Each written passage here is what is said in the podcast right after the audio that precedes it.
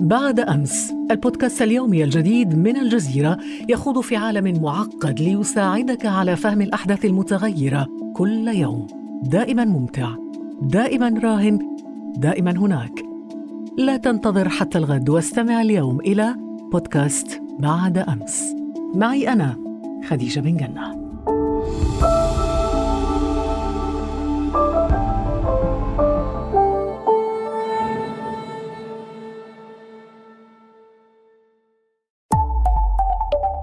الجزيرة بودكاست.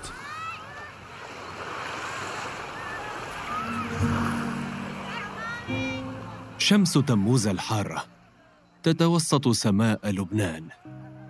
مدن عدة تشهد اضطرابات أمنية لكنها لا تمنع المتنزهين من الخروج إلى شواطئ بيروت وما حولها.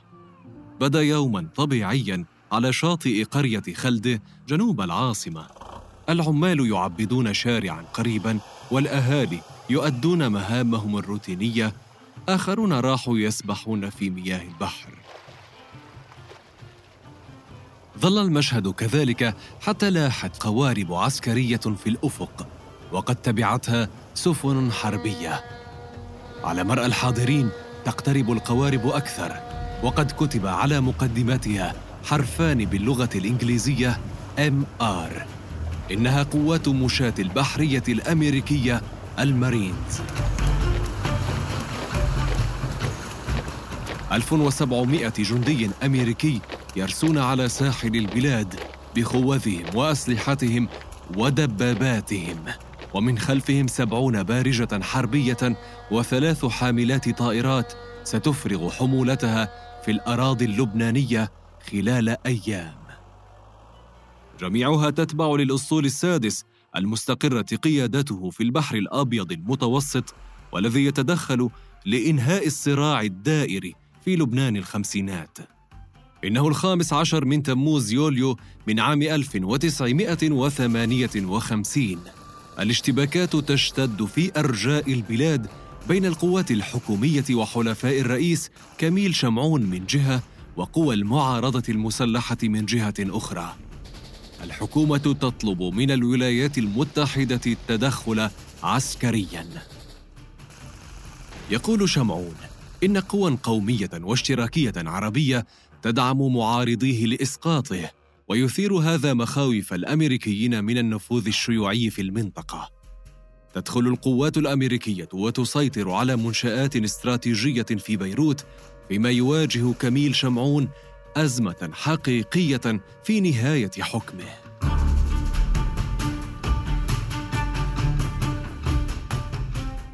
هذه قصة الإنزال الأمريكي في بيروت التي أسست لحضور أمريكي قوي في الشرق الأوسط.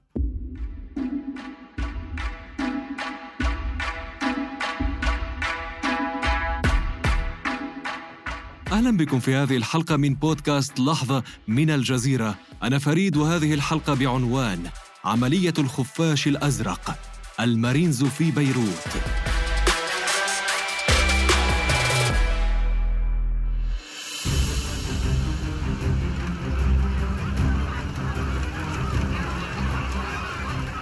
في عام 52 ثار الاشتراكيون في لبنان على إدارة الرئيس بشار الخوري من جهة وعارضته أطراف موالية للإنجليز من جهة أخرى.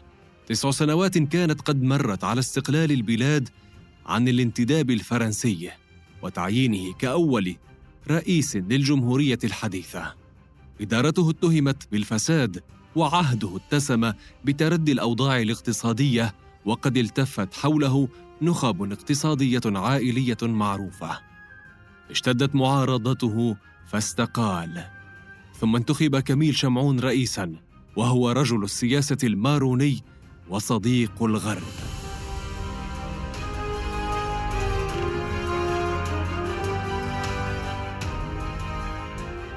ازدهر اقتصاد البلاد في عهده وحصدت القطاعات المالية والتجارية ثماره كما التفت حوله النخب الاقتصادية ذاتها. نمت قطاعات المال والبناء واستقطبت رؤوس الأموال العربية والأجنبية لكن البلاد لم تتخلص من احتكار نسبة قليلة من اللبنانيين للثروة. سياسيا لم يلتزم شمعون بشروط الزعامات السياسية وأجرى تعديلات في المناصب الإدارية بالدولة معززا مركزه كما يوضح المؤرخ اللبناني فواز طرابلسي. أسس يعني كميل شمعون اسبقيه مطلقة بالنظام السياسي اللبناني وهي السلطة المنفردة لرئيس الجمهوريه كان آه، بشار الخوري قد يعني آه، أسهم فيها بمعنى إنه أزاح آه، رياض صلح منذ الأشهر الأولى للاستقلال وجاب عبد الحليم عبد الحميد كرامي، عبد الحميد كرامي مش زعيم وطني ولا زعيم عربي. وبالتالي يعني كان بهالمعنى الصلاحيات الاستثنائية لرئيس الجمهورية بما هو لا علاقة له بفكرة الميثاق الوطني أنه البلد قائم على شراكة طائفتين. النتيجة لم تتوافق مع رؤية الاشتراكيين الذين عارضوا خوري سابقا وعلى رأسهم كمال جنبلاط الزعيم الدرزي ورئيس الحزب التقدمي الاشتراكي. نشأ نظام لبنان الاقتصادي بصورة معاكسة تماما للجارة سوريا التي راحت تقيد رأس المال الأجنبي وتدعم الإنتاج المحلي. في طرابلس تأثر التجار الذين ربطتهم علاقات اقتصادية عميقة مع بعض المدن السورية فطالبوا بإعادة الوحدة الاقتصادية بين البلدين. بالنسبة للمارونية السياسية فإن ذلك قد يقود إلى مستوى آخر من الوحدة ويغير الهوية التي أرادوها للبنان. رغم ذلك ظل كميل شمعون يقف على الحياد تجاه الأحلاف العربية المتنافرة والمتمثلة في المملكة العراقية الموالية للغرب وجمهورية مصر ذات التوجهات القومية الاشتراكية. بعد سنوات قليلة على ولايته كانت المنطقة على موعد مع عدوان أجنبي سيختبر موقف لبنان تجاه محيطه العربي.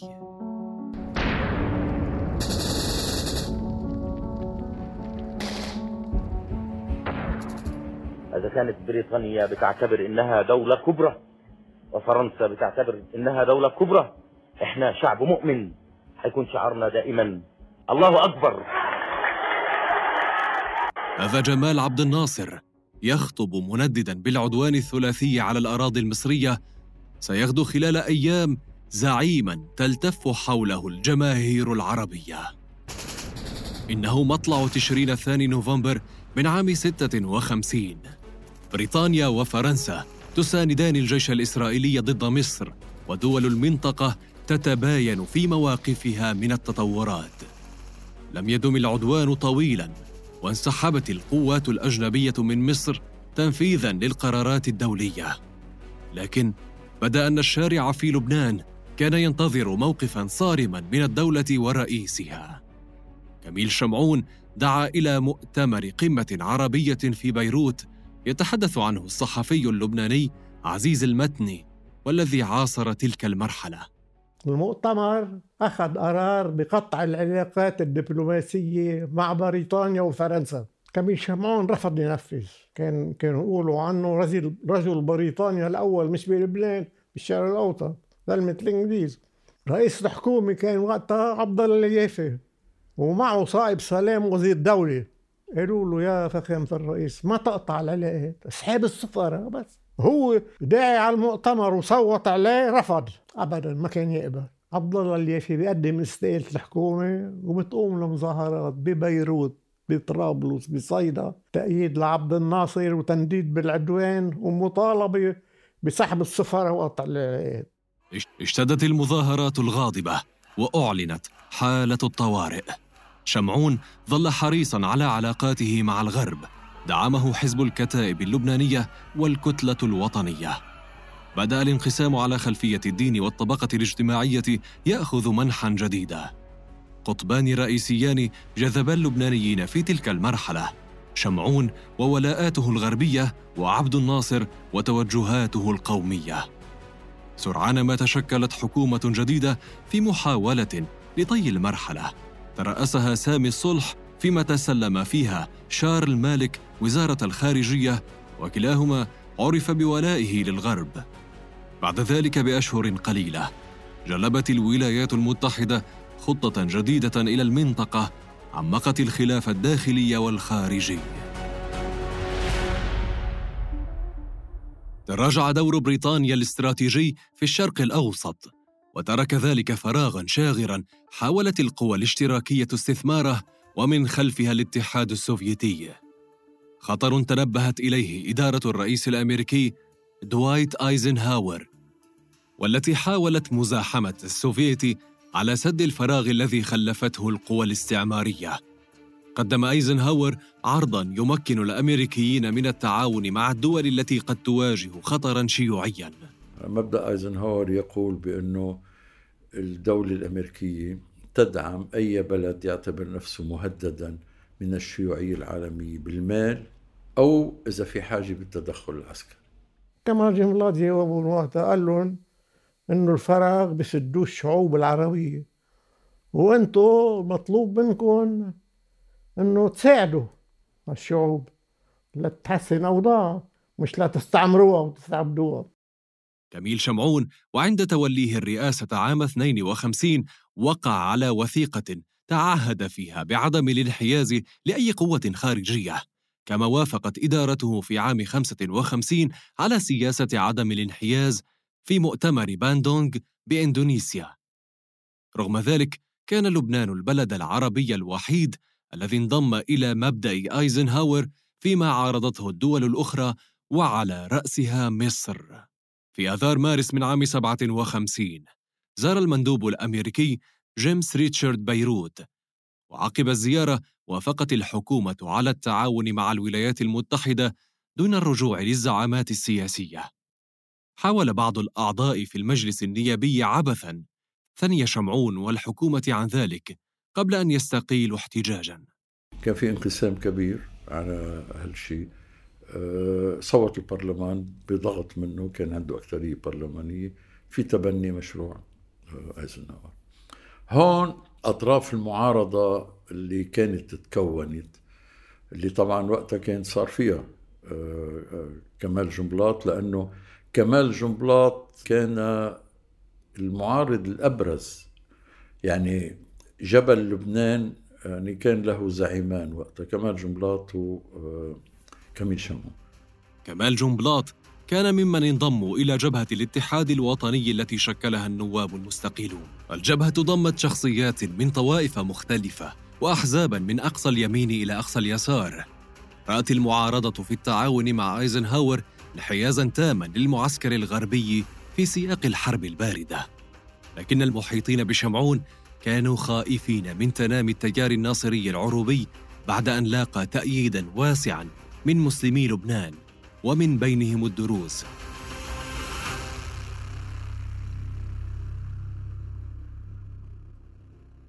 جبهة الاتحاد الوطني طالبت بمحاربة النزاعات الدينية وضمان العدل بين أبناء الطوائف. وفي مذكرة لرئيس الجمهورية دعت إلى استقالة رئيس الحكومة سامي الصلح وتشكيل أخرى حيادية لتشرف على الانتخابات النيابية. أرادت المعارضة رفع عدد النواب في المجلس وتأجيل الحديث عن أي اتفاق مع الدول الأجنبية إلى ما بعد الانتخابات النيابية. كميل شمعون لم يلق بالا للمعارضة ومطالبها فثار غضبها. حتى وقت الانتخابات كانت جبهة الاتحاد الوطني تدعو إلى المظاهرات في مواجهة السلطة. قمع المحتجون وأجريت الانتخابات على وقع المواجهات. الموالون لشمعون حملوا عنوان الحفاظ على استقلال لبنان وسيادته من خلال السياسة الداخلية والخارجية التي اتبعها زعيمهم. أما المعارضة فأصرت على مطالبها ورغم شعبيتها خسرت أمام شمعون والحكومة فاتهمتهما بالغش والتزوير. لم يعلن كميل شمعون صراحة عن نيته تجديد ولايته الرئاسية لكن المقربين دعموا ذلك علنا واعتبروه ضرورة. التجديد لم يثر حفيظة المعارضة التقليدية وحسب فقد رفضته قوة ثالثة. تشكلت هذه القوة المعتدلة من شخصيات مسيحية بمعظمها. كان من ضمنها البطريرك الماروني بولس بطرس المعوشي. كان همها الأساسي ألا يجدد شمعون لنفسه الإعلام الناصري من إذاعات وصحف سورية ومصرية لم يتوقف عن مهاجمة السياسة اللبنانية ودعمها للمعسكر الغربي وأحلافه التي أنشأها في الشرق الأوسط. القوى الاشتراكية حاصرت لبنان بعدما أقر بدعمه لحلف بغداد الذي شكلته بريطانيا مع العراق وتركيا وإيران إضافة إلى مبدأ أيزنهاور.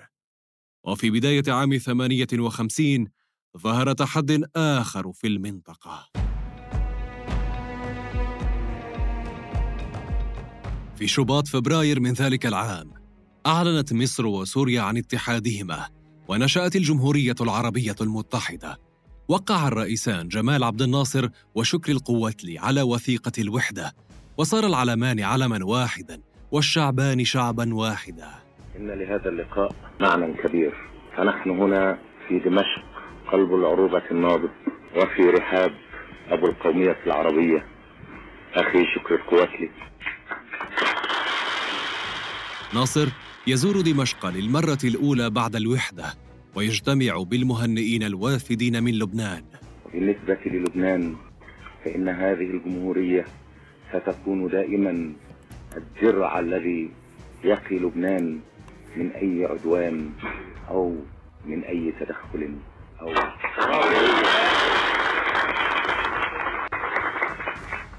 فنحن نجابه العدو المشترك ولا بد من أن نتضامن. يبرق شمعون إلى طرفي الوحدة ليهنئهما لكنه يخفي قلقه على استقلال بلاده. صار يعمل دعاية شمعون إنه المسلمين والمعارضة بدهم يعملوا الوحدة مع عبد الناصر. وما كانت واردة كمال جنبلاط اخذ أخذ وفد ألوف طلع هني لعبد الناصر. إيه؟ وقال له نحن باسم لبنان المستقل السيد. جايين نهنيك واستقلال لبنان لا يمنع أنه يكون عروبه وعربي ومؤيد. حرص المعارضة على استقلال لبنان وسيادته والتزامهما بالميثاق الوطني كان عنوان بيان الرد على اتهامات شمعون. وفيما صار التجديد لولايته نية مفروغا منها اتجه الطرفان إلى التصعيد. ناوي على التجديد. الثورة صارت ضد التجديد وضد الانحراف في السياسة الخارجية. نحن ليش بدنا نمشي ضد عبد الناصر ضد سوريا ومصر؟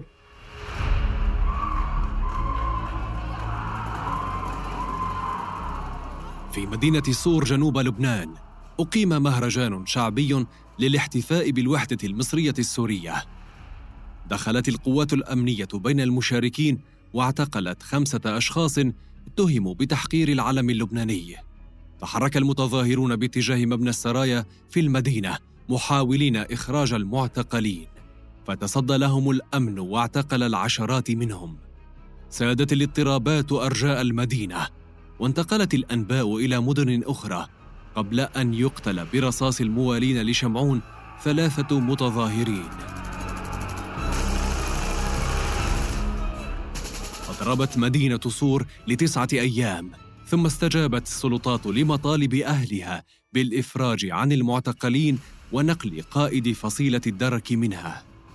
لم تتوقف الاحتجاجات في بقية المدن وخلال أيام قليلة كان على صحافة المعارضة أن تدفع الثمن كذلك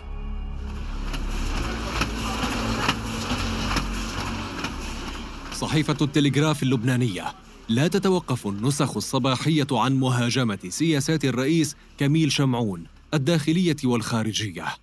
يبدو جليا خطها التحريري العروبي وتوجهات رئيسها نسيب المتني. نسيب المتني كان جريدته جريدة الشعب فلاحين العمال الصناعيين رجال الفكر. كان شعبي رجل شعبي.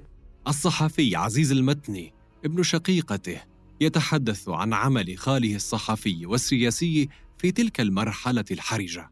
يعني كان مناضل معروف من أجل الحريات العامة من أجل تحسين وضع الشعب.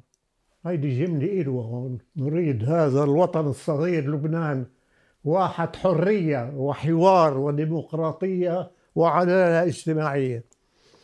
كانوا يقولوا عنه يساري يعني قال له أنا سأل اسأل وأنا مات كان عمري 22 سنة.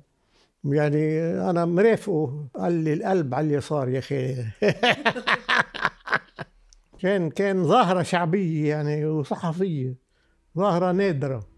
اعتقل المتني بعد أن واصل اتهام الرئيس شمعون بتزوير الانتخابات. في شهر أيار مايو أقيمت جلسة في محكمة المطبوعات للنظر في قضيته. بعد أقل من أسبوع على الإفراج عنه وحال وصوله إلى مكتب الصحيفة في قلب بيروت أطلق مجهولون عليه الرصاص في رأسه وصدره. اغتيل المتني في ذلك النهار ولم تنجح محاولات إسعافه. آخر ما قال كتبوه بهيدا العدد هيدا العدد تسعة تسعة أيار طلع وفي المونشات اغتيال نسيب المتن في الليل غيروا المونشات رجعوا. والمقال عنوانه فلتسقط الكراسي. ختموا بهالجملة قال فلتسقط الكراسي ولتتحطم وليسلم شعب لبنان مما يدبر له في الظلام. كان عنده إحساس كان بجيبة الجاكيت لقينا خمس رسائل تهديد بالقتل ما قال عنها لحدا خمسة. ما جيب سيرتها. عم يومتها عملوا له مقتل كبير كثير يعني. وكمال جملات وقف على باب الكنيسة وقال له أيها الساكن في قصر القنطاري اغتيال نسيب المتني هو آخر مسمار يدق في نعش عهدك الفاسد المجرم. عملوا قرار عطلوا جرايد ثلاث أيام. بس الرصاص كان أسرع من الكلمة.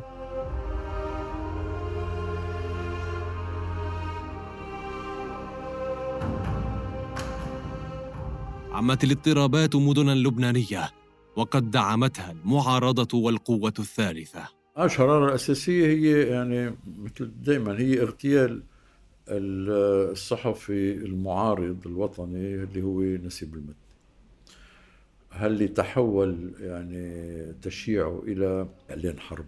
آه، بالأول كلامية ثم فعلية على آه، الحكم. بس لا يعدو كون الشرارة. فإيه إذا عم نبحث عن الشرارة هي الشرارة بس. الشرارة دخل فيها كل العوامل اللي حولتها لانفجار. السلطات نفت تورطها في اغتيال المتني. لكن ذلك لم يوقف غضب الشارع الذي انفجر نتيجة لجميع التراكمات على مدى السنوات الماضية. في اليوم الذي تلا الاغتيال، خرجت الجموع من صلاة الجمعة وأضرمت النيران في منشآت أمريكية قبل حفرها المتاريس قرب أحياء بيروت الغربية، وقد استعدت مقاومتها الشعبية للتصدي.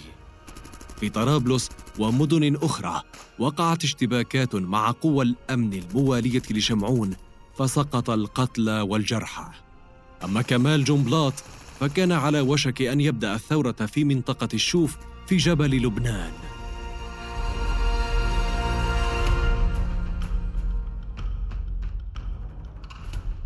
نزل الجيش إلى الشوارع لاستعادة الاستقرار وقد حاول قائده فؤاد شهاب الا يزجه في الصراع حتى لا يثير انقساما طائفيا في صفوف جنوده. فؤاد شهاب طولب بأنه يحسم المعركة ببيروت. الحقيقة بيروت كان أسره لكميل شمعون محاصر. وقعت معارك راح ضحيتها أكثر من 250 قتيلا من جميع الأطراف. وظل جنبلاط من مقره في الجبل يحاول توسيع دائرة نفوذه. وقد دعم بالسلاح القادم من الحدود اللبنانية السورية. بعد شهرين من القتال كان معارضو شمعون يسيطرون على مساحات واسعة من لبنان.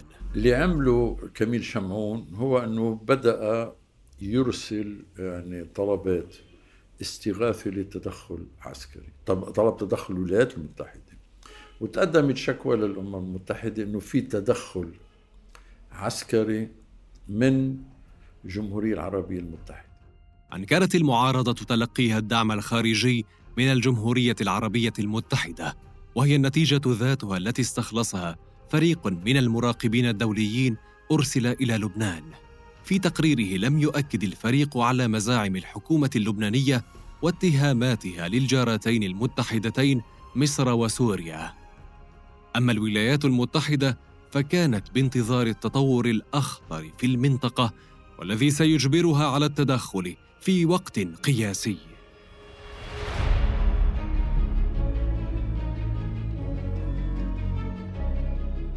في الرابع عشر من تموز يوليو من عام ثمانية وخمسين. سقطت الملكية في العراق. قتل الملك فيصل الثاني وهو الذي كان حليف الغرب المقرب في المنطقة. وسند الرئيس اللبناني كميل شمعون. بعد ساعات من الانقلاب سارعت القوى الغربية وعلى رأسها الولايات المتحدة إلى التدخل. في اليوم التالي الخامس عشر من يوليو تموز كانت قوات مشاة البحرية المارينز تقترب من بيروت بقرار أمريكي رسمي. رفضت المعارضة هذا التدخل العسكري واعتبرته احتلالاً. صائب سلام زعيم المقاومة الشعبية في بيروت قال إن على قوات المارينز أن تعرف إن خطأ أي منها على تراب هذا البلد فإنه سيعد ذلك عدوانا وسيوجه قواته للتصدي لها. لكن الأمريكيين لم يتوقعوا أي مقاومة لهم حال دخولهم.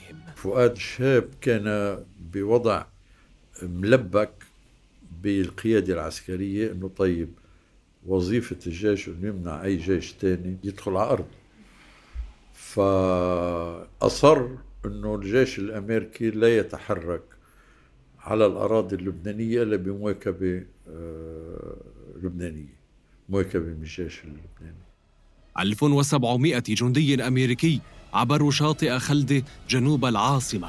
تبعهم خلال الأيام الأربعة التالية أربعون ألفا آخرون. على متن عشرات البوارج الحربية التابعة للأسطول السادس. اتجهت القوات لحماية السفارة الأمريكية وأحاطت بالميناء والمطار ومنزل السفير. غلغلوا بالمنطقة كلها. مش إنه نزلت آه، قوة رمزية. وطيارات بالمطار وحملات طائرات وما بعرف شو الأسطول السادس. إيه, إيه، بدهم يبسطوا هيبتهم بالمنطقة. طوقت مدينة بيروت ووجهت المدافع صوب أحيائها الغربية حيث معقل المقاومة الشعبية. رغم الغضب الذي عبرت عنه المعارضة لم يواجه هذا التدخل العسكري مقاومة شعبية أو مسلحة حقيقية. We are hopeful that the action which we are now taking will both preserve the independence of Lebanon. الرئيس الأمريكي دوايت ايزنهاور يأمل أن تحافظ خطوته على استقلال لبنان وتتحقق من وجود أي انتهاكات دولية حفاظا على السلام العالمي.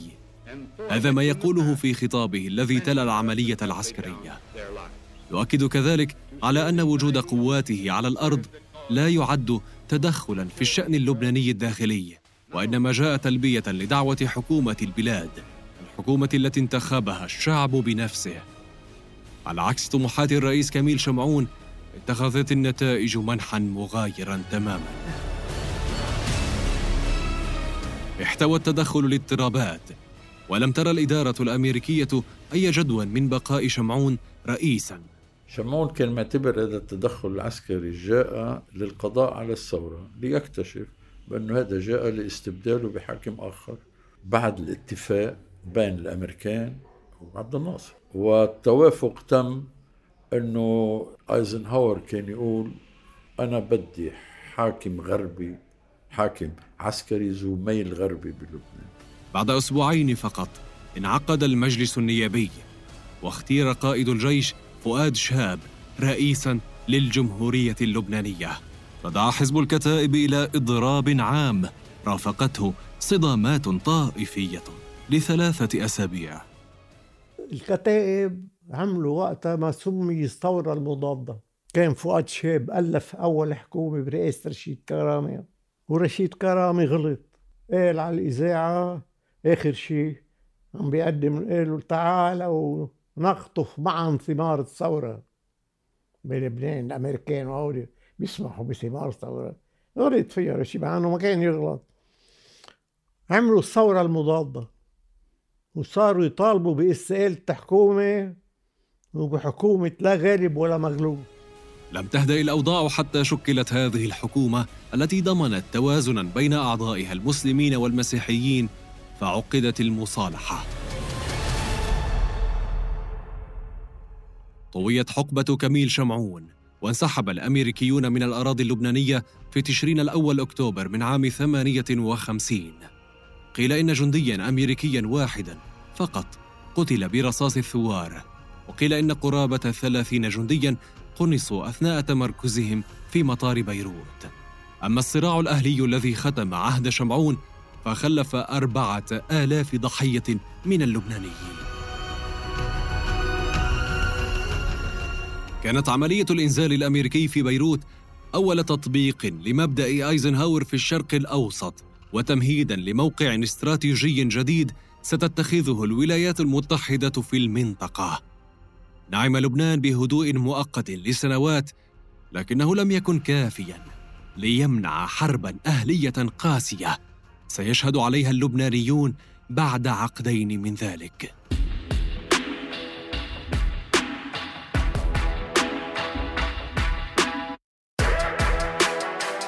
في الحلقة القادمة من بودكاست لحظة سنتناول لحظات أخرى غيرت حياتنا بشكل مختلف وربما في مجال مختلف أيضا. انتظرونا الأسبوع المقبل لتتعرفوا على اللحظة القادمة ولا تنسوا زيارة موقعنا على الإنترنت podcast.aljazeera.net ومشاركة هذه الحلقة مع أصدقائكم. كان معكم في هذه الحلقة فريد. إلى اللقاء.